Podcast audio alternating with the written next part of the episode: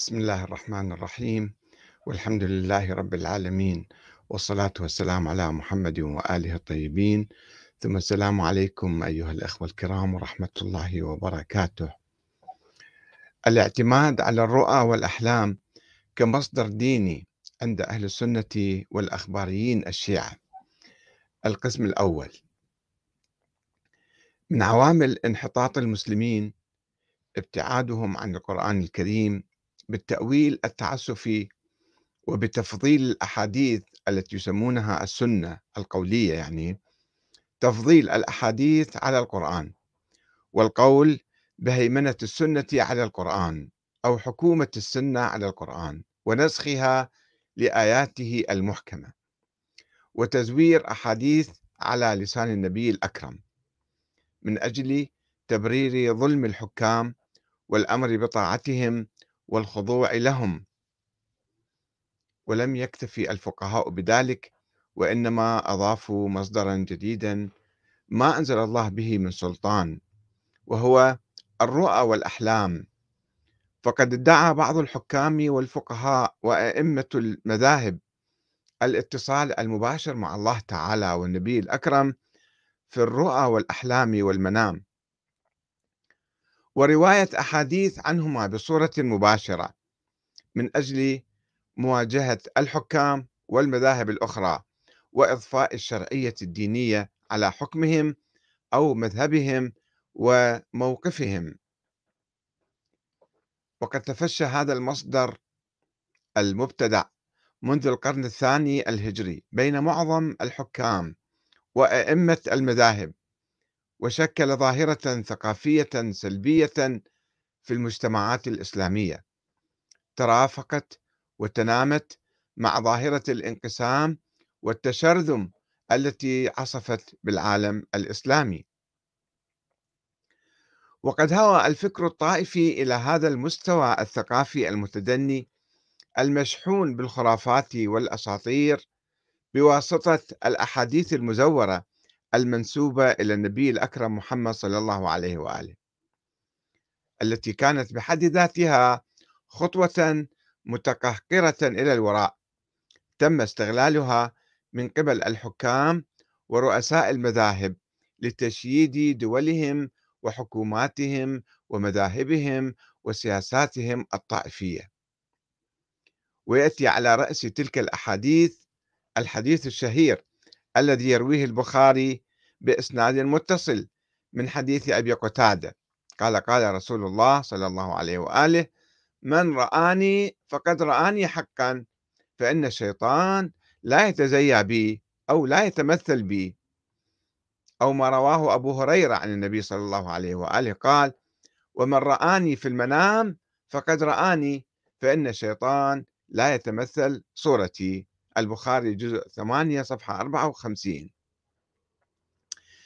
ذلك الحديث الذي فتح بابا لإضفاء الشرعية الدينية على كثير من الأئمة والحكام والمؤلفين وأصحاب المذاهب المختلفة وأصبحت الأحلام الواردة عن الرسول والصحابة بمثابة المسلمات والواضحات التي لا يجوز البحث فيها فضلا عن التشكيك بصحتها.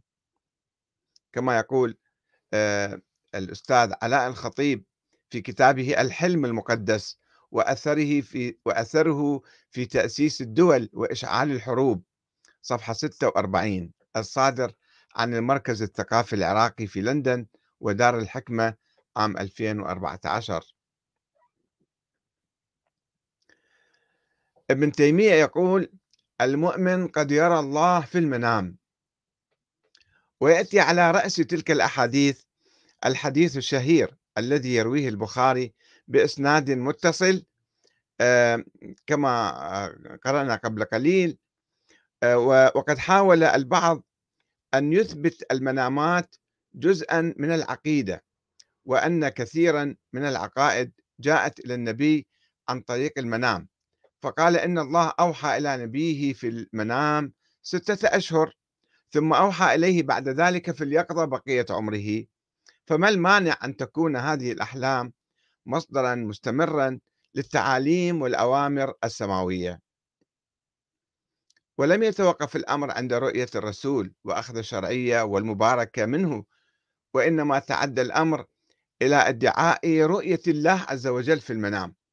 فقد قال ابن تيمية أن المؤمن قد يرى الله في المنام في صور, صور متنوعة على قدر إيمانه ويقينه. فإذا كان إيمانه صحيحا لم يره إلا في صورة حسنة. وإذا كان في إيمانه نقص رأى ربه ما يشبه إيمانه. لا أدري كيف يعني يكون صورة الله في ذهنه والعياذ بالله. ويعتبر ابن تيمية إمكانية الرؤية من المسلمات. أن واحد يمكن يشوف ربه بالمنام. ويقول أن الصحابة والتابعين وأئمة المسلمين يؤكدون على أن الله يرى في الآخرة بالأبصار عيانا وأن أحدا لا يراه في الدنيا بعينه لكن يرى في المنام ويحصل للقلوب من المكاشفات والمشاهدات ما يناسب حالها. ومن الناس من تقوى مشاهدة قلبه حتى يظن أنه رأى ذلك بعينه وهو غالط.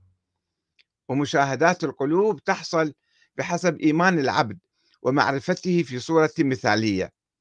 وليس في رؤية الله في المنام نقص ولا عيب ولا غيب يتعلق به سبحانه وتعالى. وإنما ذلك بحسب حال الرائي وفساده واستقامة حاله وانحرافه. وما أظن عاقلا ينكر ذلك. هكذا يقول الشيخ ابن تيمية في منهاج السنة النبوية في نقد كلام الشيعة والقدرية المجلد الخامس صفحة 384 وهذا كتاب مطبوع في السعودية وقد طبعته جامعة الإمام محمد بن سعود سنة 2008 وهو من تحقيق محمد رشاد سالم. وانظر أيضا بيان تلبيس الجهمية في تأسيس بدعهم الكلامية. أيضا للشيخ ابن تيمية هذا الكتاب. جزء واحد صفحة 182 تحقيق يحيى ابن محمد الهنيدي طباعة مجمع الملك فهد 1426 وأيضا يقول ذلك في شرح الوصية الكبرى لابن تيمية وفتاوى ابن باز تؤكد ذلك.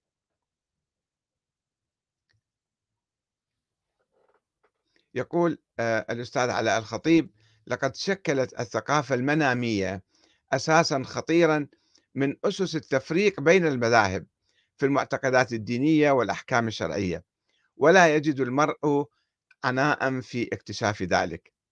إن للأحلام مساحة كبيرة وأهمية في إثبات أو نفي المذهب أو الفكرة التي يؤمن بها الكاتب. كما يقول في كتابه الحلم المقدس صفحة 175 ويقول الدكتور علي الوردي أن المسلمين أدخلوا بعض الأحلام في صلب شريعتهم وأيدوها بما أوتوا من كتاب وسنة فصارت لديهم بمثابة الوحي المنزل. ويحدثنا فاضل الأنصاري عن دور الأحلام والرؤى في تعميق الشرخ بين المسلمين فيقول تتالت الرؤى التي ظهر فيها الرسول في أحلام الأشخاص وهو يحدث بتكفير هذا أو ذاك فاعتبرت تلك الأقوال صحيحة مسندة إذا كان راويها الذي شهد الرسول في منامه قد عرف بصدقه صارت رواية يعني هاي.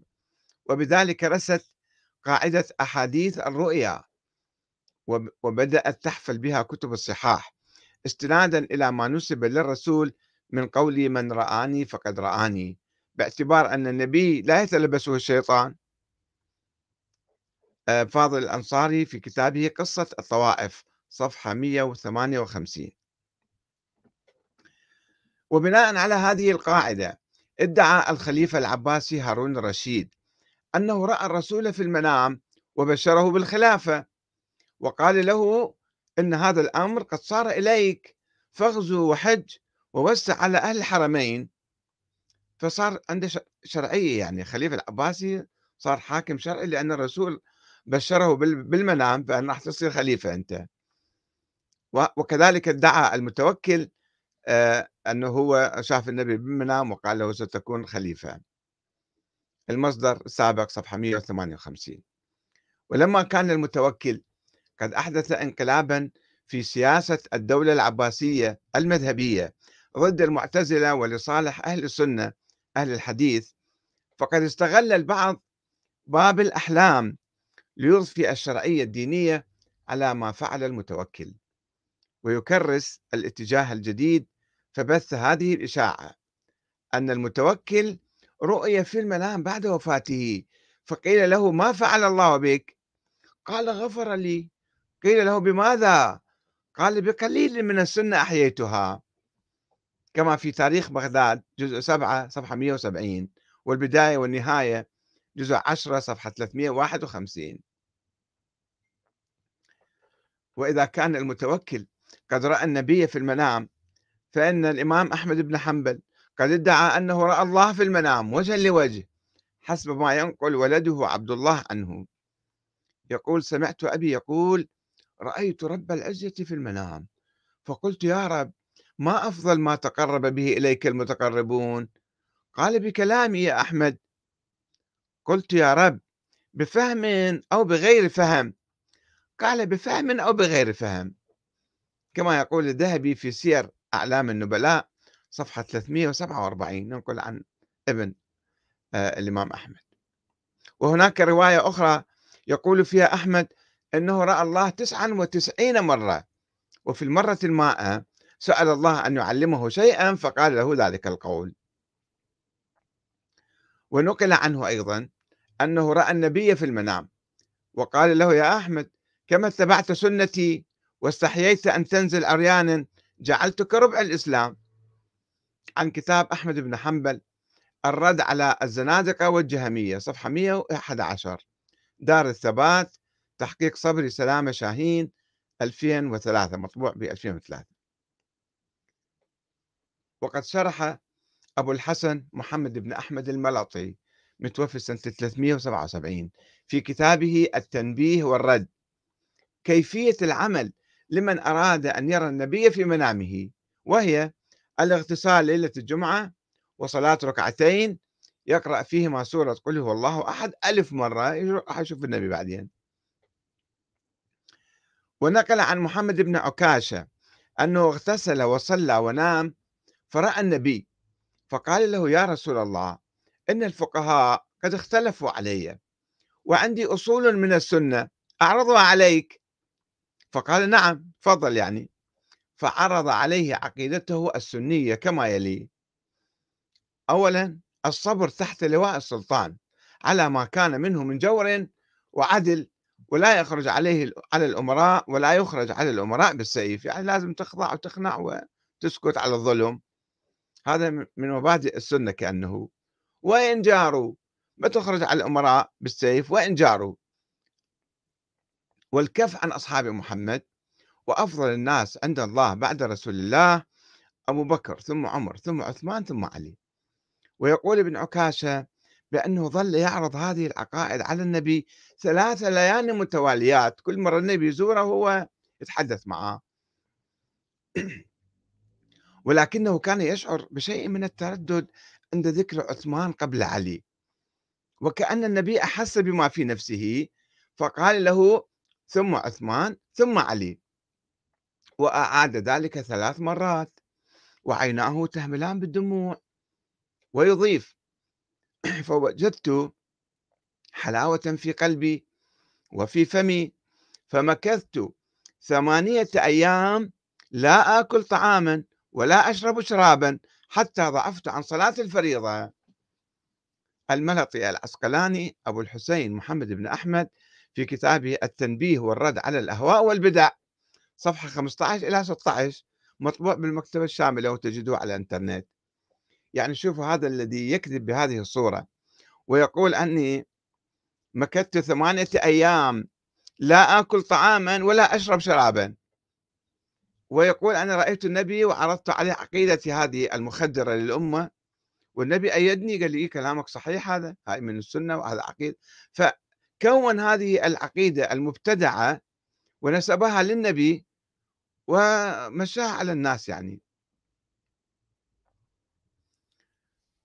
وقد روى الإمام أحمد بن حنبل هذا الحلم للمتوكل. عندما سأله قائلا يا أحمد إني أريد أن أجعلك بيني وبين الله حجة حجة الإسلام يعني تصير حجة الله. فأظهرني على السنة والجماعة. وما كتبت عن أصحابك عما كتبوه عن التابعين مما كتبوه عن أصحاب رسول الله. فالإمام أحمد حدثه بهذه الرواية الأكيد يعني مسندة صحيحة وجاية عن النبي مباشرة باعتباره حديثا موثقا عن النبي. هذا في نفس المصدر الملطي العسقلاني صفحة 23 و 25 أما أحمد بن حنبل نفسه فقد أصبح هو موثقا جدا ومزكى بناء على الأحلام حيث شوهدت روحه بعد وفاته في السماء كما يقول إبراهيم الحربي أنه رأى بشر الحافي في المنام فقال له قدم علينا البارحة روح أحمد بن حنبل فنثر عليه الدر والياقوت فهذا مما التقطته. قلت فما فعل يحيى بن معين؟ وأحمد بن حنبل. قال تركتهما وقد زارا رب العالمين ووضعت لهم الموائد. كما ينقل علاء الخطيب في كتابه الحلم المقدس صفحة 193 عن ابن خلكان عن أبي الفرج ابن الجوزي في كتابه عن أخبار بشر الحافي. ولم يفت تلميذ الشافعي الربيع بن سليمان المرادي. أن يرسم هالة من القدسية على أستاذه على الشافعي يعني. فيقول إنه رآه في المنام بعد وفاته. فقال له يا أبا عبد الله ما صنع الله بك؟ فقال أجلسني الله على كرسي من ذهب ونثر علي اللؤلؤ الرطب. كما أيضا يقول هذا ابن خلكان في وفيات الأعيان مجلد 4 صفحة 163 وسكت ابن خلكان عن منامات الشافعي تاريخ بغداد للخطيب البغدادي جزء 2 صفحة 60 وصفحة 69 وفي رؤيا أخرى يقال أنه سئل النبي عن الشافعي فقال من أحبني وأحب سنتي فليتبع طريق الشافعي فإنه مني وأنا منه. يراجع في ذلك مناقب الشافعي لأبي حاتم الرازي حيث يوازي بين الشافعي والرسول. يعني ربطه أنت مني وأنا منك. وهكذا قال الإمام الأوزاعي عبد الرحمن بن عمر بن أحمد اللي توفى سنة 157 هجرية في القرن الثاني واصل القرن أواسط القرن الثاني الهجري. يقول رأيت رب العزة في المنام. فقال أنت تأمر بالمعروف وتنهى عن المنكر. فقال بفضلك أي رب. إيه يعني بفضلك أنا أقوم بذلك. ثم قلت يا رب. أمتني على الإسلام. فقال الله يعني فقال وعلى السنة. مو بس على الإسلام على السنة تموت أنت.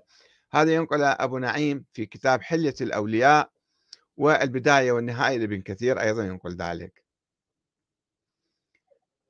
آه، نكتفي بهذا القدر وسوف نتحدث في الحلقة القادمة عن المعتزلة والشيعة والأحلام وكيف انقلب الأشعري على المعتزلة وأصبح مثلا آه، سنيا. والسلام عليكم ورحمة الله وبركاته.